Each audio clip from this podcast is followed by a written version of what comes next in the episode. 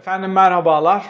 6 lider 28 Şubat'ta bir araya gelecek ve muhtemelen ülke gündemini çok uzun süre meşgul edecek bir beyanatta bulunacaklar. Daha doğrusu bir deklarasyonda bulunacaklar. Güçlendirilmiş parlamenter sistemin detaylarını bizlerle paylaşacaklar. Bu ilk taslağın. Yani bunun detayına girmeyeceğim. Bu konuyu da yorumlamayacağım. Bugünkü konumuz bu değil. Farklı bir ittifakı, karşı bir ittifakı, hatta gizli bir ittifakı yorumlayacağım bugün. Burada neyi görüyoruz? Şeffaf, demokratik, çoğulcu, tüm eleştirilere rağmen bir araya gelebilen, üretebilen ve bunu toplumla açık bir şekilde paylaşabilen, işte sivil toplum örgütlerini o toplantıya çağırıp görüşlerini talep edecek olan, ondan sonra onu revize etmeye muhtemelen açık olduklarını söyleyecek olan bir ittifak görüyoruz. Ney bu ittifakın adı?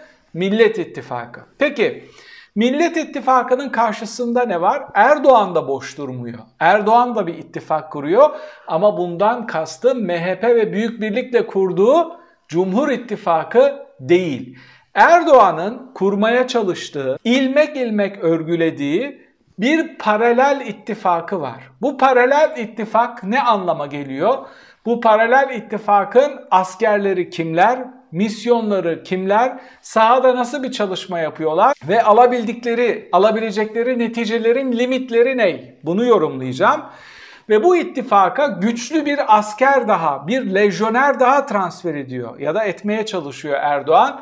Bu %100 kesin bir bilgi mi? %100 kesin bir bilgi olmamakla birlikte kulislerde çok ciddi bir şekilde tartışılan ve konuşulan bir bilgi. Kim o?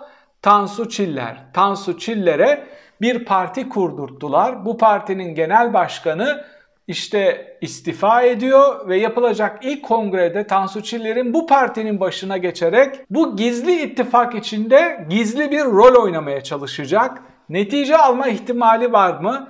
Kiminle ittifak kurma, işte kiminle birlikte seçimlere girme projesi var. Hangi ihtimaller konuşuluyor kulislerde ve bu opsiyonların tamamı ne anlama geliyor ve bu hamlelerin netice alma ihtimali var mı? Tamamını özetliyorum.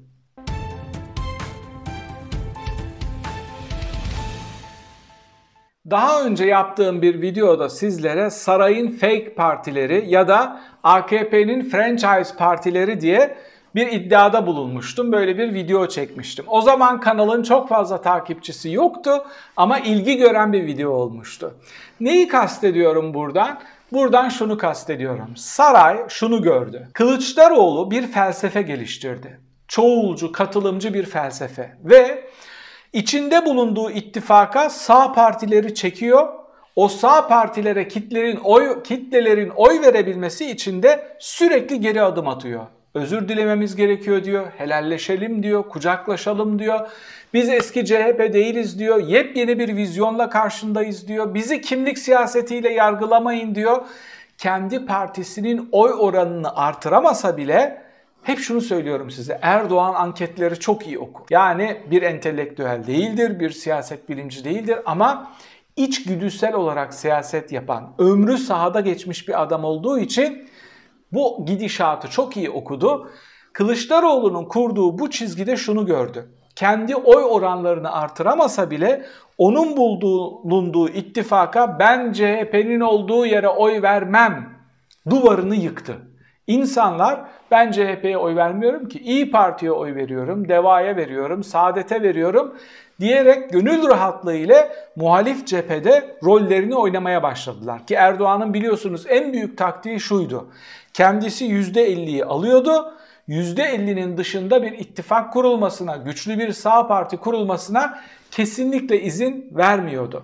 Bu gidişatı durduramadığını, Kılıçdaroğlu'nun o duvarları yıktığını görünce o da Kılıçdaroğlu'nun etrafında kurgulanmış, kenetlenmiş partilere gölge particikler kurdu. Gölge particikler kurdurdu. CHP için bir gölge parti kurdurdu. İyi Parti için, DEVA için hatta Saadet için benim iddiama göre. Bunda kesin bir bilgimiz yok tabii ama bu ön sezilerimle sadece yorumluyorum. Yanılıyor olabilirim bir partiler silsilesi kurdurttu ve bu partiler silsilesiyle netice alamadığını gördü. Doğru mu bu? Aslında doğru değil. Çöküş bu kadar büyük olmasa Erdoğan netice aldı. Bu fake partilerin kurduğu kağıt üstünde kurulmuş ve aslında halk tabanında çok fazla karşılığı olmayan bu partilerin toplam oy oranlarının %1'i aştığını bazı anketlerde %2'ye yaklaştığını görüyoruz. Kafa kafaya bir yarış olmuş olsaydı, bu kadar büyük bir iktisadi çöküş olmamış olsaydı karşı taraftan 2 puan kopartmak hiç de fena değil. Öncelikle şunu söyleyelim. Başkanlık sisteminde bu o kadar beyhude bir çaba ki başkanlık sisteminde partileri kurdurmuş olsanız ve muhalif cepheden partiler bazında bazen oy toplayabilmeyi başarmış olsanız bile o kitleyi başkanlık sandığında kendi safınıza çekebileceğinizin garantisi yok. Hem de hiçbir garantisi yok. MHP'nin bile işte metropol verilerine göre MHP seçmeninin bile yüzde kırkı, tam yüzde kırkı Erdoğan'a oy vermiyor. Ne kadar enteresan bir veri bu değil mi? Ne, nereden kapatıyor o açığı Erdoğan? Çok garip ama muhalif partilerin kendisine aşık olan seçmenlerinden kapatıyor. Yani evet MHP'nin %40'ı ne yapıyor? Diyelim ki MHP'nin oyu %8, 4 kere 8, 32, 3.2 oyu muhalif partilerden kendisine aşık olmuş seçmenden alabiliyor Erdoğan. Bu da onun karizmasının başarısı. Şayet bu kadar büyük bir çöküş olmasaydı aslında Erdoğan netice almış olacaktı. Yani bu kurduğu partiler projesi hiç de fena bir proje değilmiş. Gelelim Çiller mevzusuna. Görünen o ki sarayın yeni emir eri Tansu Çiller. Peki Tansu Çiller'in Erdoğan'la örtüşen ortak yanları neler? Şunlar. Birincisi her ikisi de ülkeyi iktisadi olarak batırdı. İkincisi her ikisi de ülkenin medya sistemini batırdı. Üçüncüsü her ikisi de ülkenin yargı sistemini ve güvenlik sistemini bir parti teşkilatı gibi kullandı ve çökertti.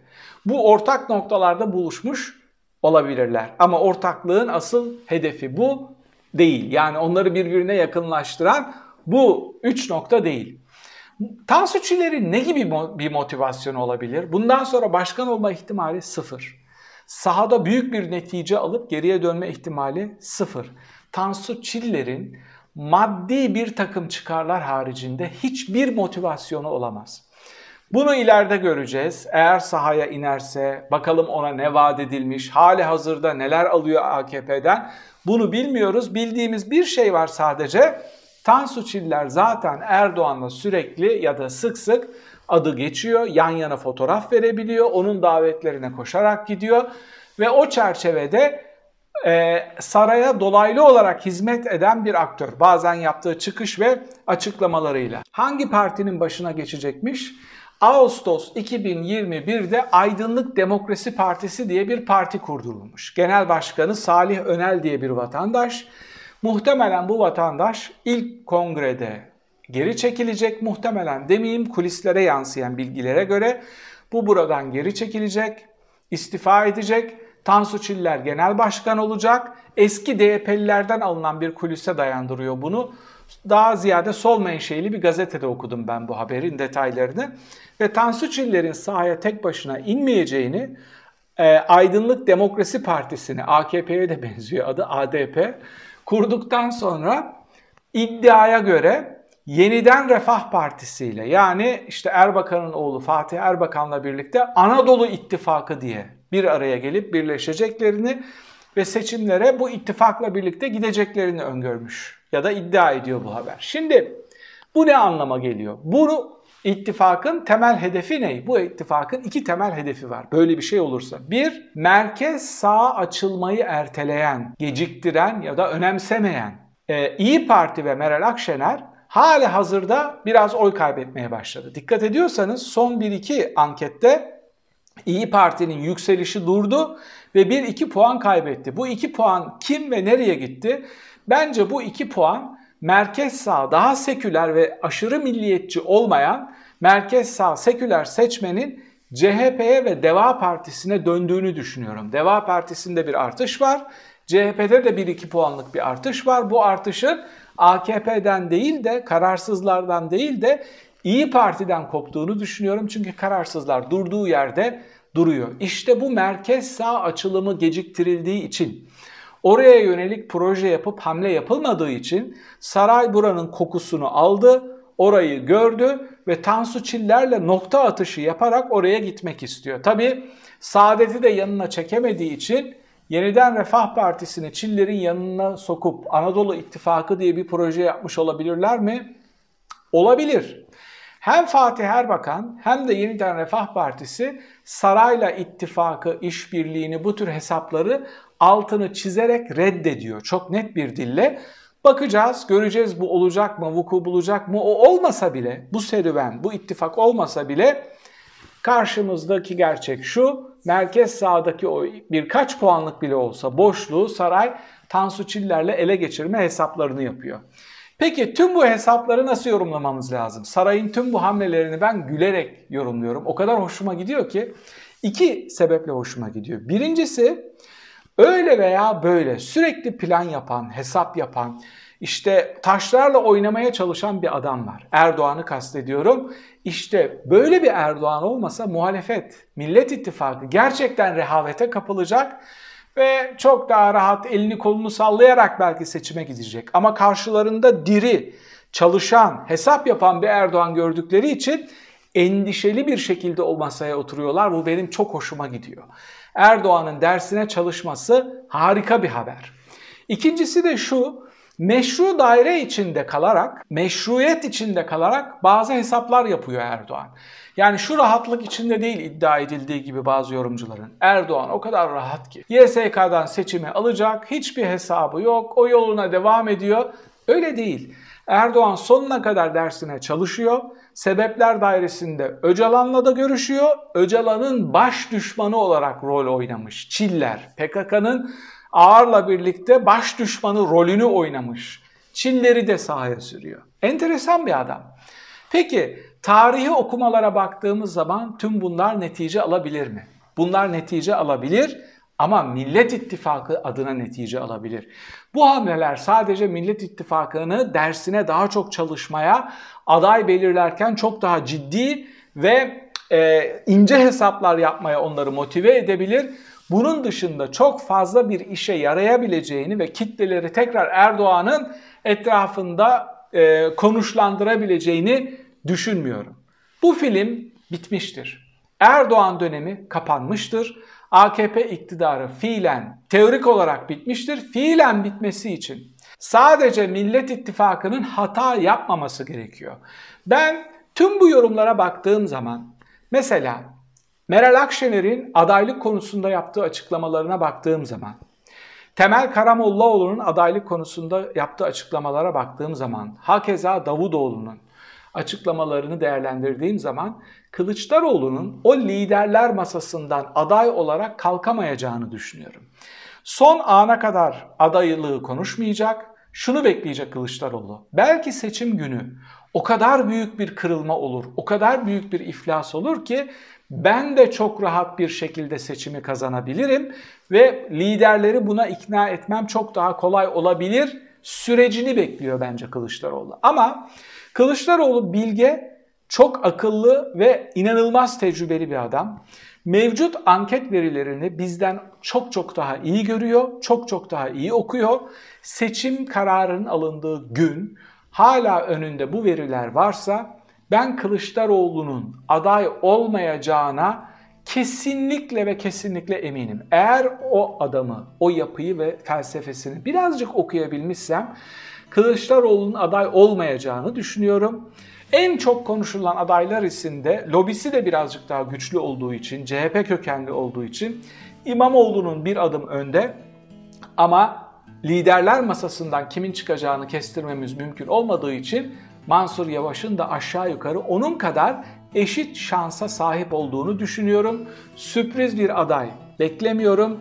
Kılıçdaroğlu'nun da aday olmasını beklemiyorum. Tıpkı Çiller'in netice alamayacağından emin olduğum gibi bu sürecinde bu şekilde vuku bulacağını hem öngörüyor hem de ümit ediyorum. Sorum şu, siz Tansu Çiller hamlesini nasıl görüyorsunuz?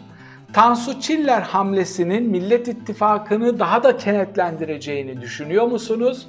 Yorum köşesinde bunları tartışabiliriz. Bir sonraki videoda tekrar birlikte olmak üzere efendim. Hoşçakalın.